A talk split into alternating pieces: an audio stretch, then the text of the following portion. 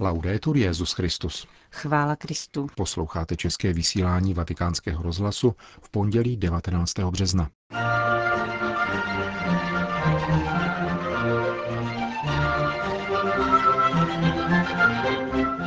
Potřebujeme lépe pochopit, co od nás Bůh i dějiny vyžadují, řekl Petrův nástupce v úvodu před synodálního setkání mladých lidí, které potrvá do soboty. Papež udělil biskupské svěcení třem nedávno jmenovaným apoštolským nunciům. Ukázku z nejnovějšího knižního rozhovoru s papežem Františkem uslyšíte v závěru našeho dnešního pořadu, kterým provázejí Johana Bromková a Milan Glázer. Zprávy vatikánského rozhlasu. Vatikán. Dnes odpoledne Petrův nástupce slavil ve vatikánské bazilice Eucharistii ze slavnosti svatého Josefa, při níž udělil biskupské svěcení třem kněžím. Plnost svátosti kněžství přijali tři dosavadní preláti římské kurie, monsignor Valdemar Stanislav Zomerták, který byl jmenován apoštolským nunciem v Nikaraguji, monsignor Alfred Schuereb, jehož papež jmenoval apoštolským nunciem v Koreji a Mongolsku, a monsignor Jose Avelino Betancourt, který bude sloužit jako apoštolský nuncius v Gruzii a Arménii. Jako obvykle při udělování svátosti svěcení si papež František nepřipravoval vlastní homilii a přečetl homiletický vzor, který je součástí římského pontifikálu a některé pasáže doplnil z patra vlastními slovy. Vatikán. Ve věku 80 let dnes ráno zemřel skotský kardinál Keith O'Brien, s jehož jménem jsou spojeny stinné kapitoly nejnovějších dějin církve. Jako jeden z nemnoha nositelů kardinálského titulu rezignoval na práva s ním spojená, poté co vyšly najevo jeho homosexuální vztahy. Z toho důvodu se také nezúčastnil konkláve, které zvolilo papeže Františka. Kardinál Keith Michael Patrick O'Brien byl vysvěcen na kněze v roce 1965. O 20 let později byl jmenován biskupem a v roce 2003 kardinálem. 20. května 2015 papež František přijal jeho rezignaci na práva spojená s kardinálskou hodností, odůvodněnou jeho osobním přiznáním k vedení sexuálního života, neodpovídajícího jeho pozici. Rezignaci předcházela nota zveřejněná v březnu roku 2013, v níž se kardinál O'Brien přiznal k sexuálnímu chování, které v některých okamžicích pokleslo pod úroveň ode mne očekávanou, jak píše, jako od kněze, arcibiskupa a kardinála. Zároveň se omluvil a požádal o odpuštění nejen ty, kterých se osobně dotkl, ale také katolickou církev a skotský národ a odešel z veřejného života. Edimburský arcibiskup Leo Kašli dnes vybídl k modlitbě za jeho duši, za jeho rodinu a za ty, které svým jednáním urazil, zranil a zklamal. Řím. Papež František trávil dnešní slavnost svatého Josefa, na níž připadá páté výročí jeho nástupu na Petrův stolec s mladými delegáty před synodního jednání, které v přípravě na říjnovou biskupskou synodu o mládeži zorganizoval její generální sekretariát.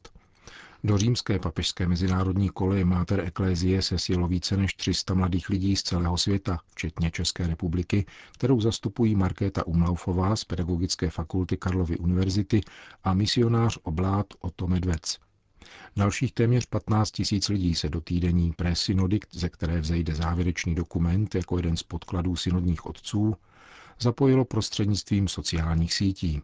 Jak vysvětlil generální sekretář biskupské synody kardinál Lorenzo Baldisseri, byli pozváni nejenom delegáti biskupských konferencí a synodů východních katolických církví spolu se zástupci církevních hnutí a združení, nýbrž také mladí představitelé umění, politiky, hospodářství, armády, sportu a solidárních organizací, včetně delegátů jiných křesťanských vyznání, nekřesťanských náboženství a nevěřících. Právě z toho důvodu papež František před úvodní modlitbou pronesl. Ať nyní každý ve své víře či pochybnostech, v tom, co má v duši, myslí na Boha, na potřebu Boha, na svou pochybnost, zda Bůh existuje, na své svědomí a prosí za požehnání a boží dobrotu pro nás všechny. V obsáhlé promluvě, která předcházela spontánnímu rozhovoru s mladými lidmi, pak římský biskup nejprve vymezil zásady pracovního jednání. Upřímný, odvážný a neostýchavý dialog, avšak zároveň pokorné naslouchání a právo na vyslovení různých názorů. Mínění mladých lidí je pro církev nepostradatelné, dodal. poněvadž v mnoha chvílích církevních dějin, stejně jako v četných biblických příbězích, Bůh promlouval právě hlasem nejmladší generace, ku příkladu v Samuelovi, Davidovi a Danielovi. Ve svízelných okamžicích posouvá pán dějiny ku předu za pomocí mladých lidí, protože se nestydí a říkají pravdu. Tím nemyslím, že by byli drzí, ale směle říkají pravdu. Nerodí se jako svědci, spravedliví a vzory druhých lidí, nebož jsou to hřešící muži a ženy, kteří nicméně mají chuť udělat něco dobrého. Bůh je k tomu podnítil a oni to vykonali, což je krásné. Nemusíme se tedy domnívat, že jsme tu na akci vyhrazené kněžím a sestrám. Nikoli, je pro všechny.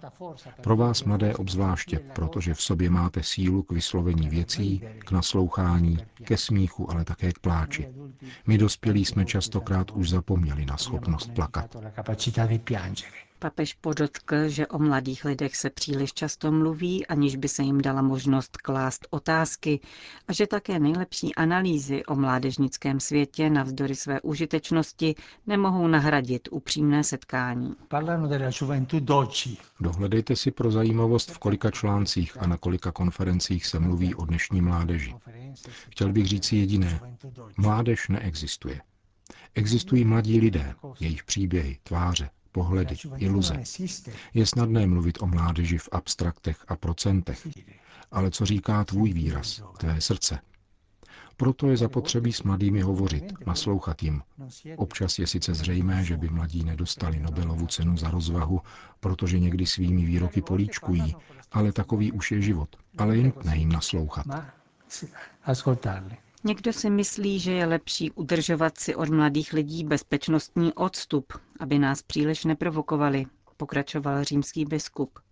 Mladým lidem ale nestačí četování nebo sdílení sympatických fotografií. Chtějí, abychom je brali vážně.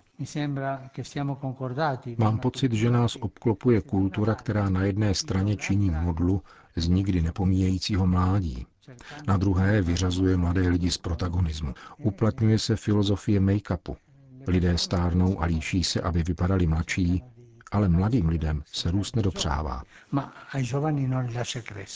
Mladý člověk bývá vyčlenován z řádného veřejného života a častokrát je nucen žebrat o zaměstnání, kterému nezaručuje budoucnost, popisoval dále papež František. Co se stane s mladým člověkem, který nenajde práci? Onemocní depresí, upadne do závislostí, za sebe vraždí se.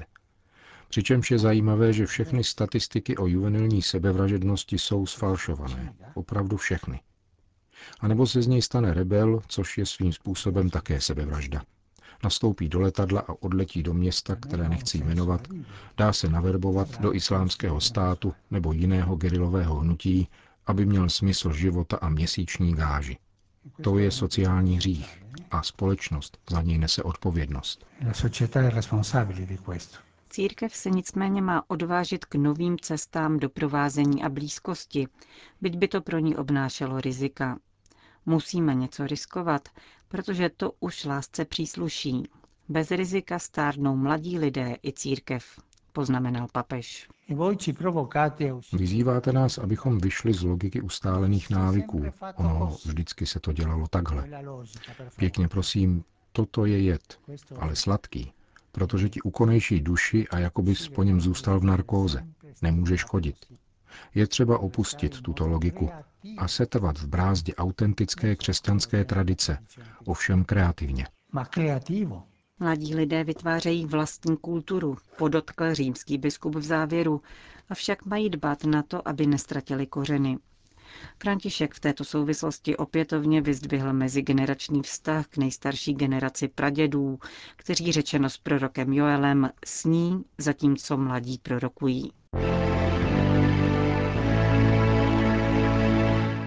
Zítra se objeví na pultech evropských a amerických knihkupectví nejnovější knižní rozhovor papeže Františka věnovaný mladým lidem.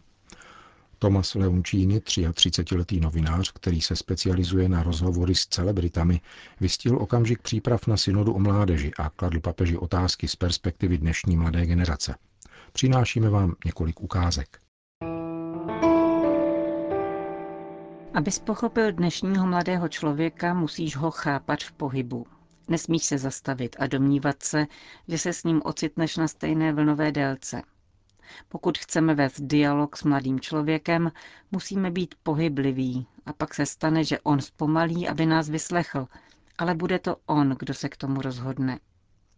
A když zpomalí, začne další pohyb. Pohyb, v němž mladý člověk začne držet pomalejší krok, aby se nechal slyšet a ti starší zrychlí, aby s ním našli styčný bod. Dospělí často mladé lidi vykořenují, vytrhávají je z jejich kořenů a místo toho, aby jim pomáhali být proroky pro dobro společnosti, činí z nich sirotky a odpad. Mladí dnes vyrůstají ve vykořeněné společnosti. Měli bychom prosit naše děti o odpuštění, poněvadž je ne vždycky bereme vážně. Ne vždycky jim pomáháme vidět cestu a vytvářet si prostředky, které by jim pomohly, aby neskončili jako skartovaní. Často jim neumíme dopřát snění a nejsme schopni je natchnout. Je normální snažit se vydělat peníze, abychom vybudovali rodinu, vybudovali budoucnost a dokázali opustit roli podřízenosti dospělým. V níž dnes bohužel mladí dlouho zůstávají. Podstatné však je vyvarovat se dychtivé touhy shromažďovat peníze. Práce musí být pro všechny. Každá lidská bytost musí mít konkrétní možnost pracovat, dokázat sobě samému i svým drahým, že se může vydělat na živobytí. Zneužívání je nepřijatelné. Nesmíme přistoupit na to, že tak mnoho mladých je zneužíváno zaměstnavateli na základě falešných slibů výdělku, který nikdy nepřijde. Výmluv, že jde o mladé a že musí získat zkušenosti. Nesmíme přistoupit na to, že zaměstnavatelé očekávají od mladých práci na omezenou dobu, anebo dokonce zadarmo, jak se někdy děje. Mladí nás žádají, abychom jim naslouchali a my máme povinnost naslouchat jim a přijímat je, nikoli je zneužívat. Žádné výmluvy neobstojí. Zdá se, že růst, stárnout a dozrávat je čím si špatným. Je to synonymem vyčerpaného a nespokojeného života. Dnes se zdá, že je všechno potřeba nalíčit a zamaskovat, jako by skutečnost života postrádala smysl. Nedávno jsem mluvil o tom, jak smutné je pokoušet se o lifting také na srdci. Jak špatným úmyslem je pokoušet se o zrušení vrásek, které setkání radosti a bolesti vepsali do tváře. Velmi často se setkáváme s dospělými, kteří si hrají na dětičky, kteří považují za potřebné pohybovat se na adolescentní úrovni, ale nechápou, jak je to klamné. Je to ďáblova hra. Nedokážu pochopit, jak je možné, aby dospělý měl dojem, že má soutěžit s dítětem. A přece se to děje stále častěji. Velmi mnoho rodičů je mentálně adolescentních. Hrají si na prchavý věčný život. A ať již vědomě či nikoli, jejich děti se stávají obětí této perverzní hry s pomíjivostí. Na jedné straně totiž vychovávají děti nasměrované na tuto kulturu pomíjivosti a na druhé straně je stále více zasazují do společnosti, kterou charakterizují právě jako vykořeněnou. Bůh je tím, kdo vždy obnovuje, neboť On je vždy nový. Bůh je mladý, Bůh je věčný, který není v čase, avšak je schopen obnovovat, neustále se omlazovat a omlazovat všechno. Nejcharakterističtější rysy mladých lidí jsou také jeho. Je mladý, protože činí všechno nové a miluje novost, protože překvapuje a miluje údiv, protože dopřává snít a touží po našich snech, protože je silný a nadšený, protože buduje vztahy a žádá od nás to tež. Když si představím mladého člověka, vidím, že také on má možnost být věčný, když dá k dispozici všechnu svou čistotu, kreativnost, odvahu a energii a nechá se doprovázet sny a moudrostí starých. Je to cyklus, který se takto uzavře a který vytváří novou kontinuitu. A to mi připomíná obraz věčnosti. To byly ukázky z nejnovějšího knižního rozhovoru papeže Františka nazvaného Bůh je mladý. Končíme české vysílání vatikánského rozhlasu. Chvála Kristu. Laudetur Jezus Christus.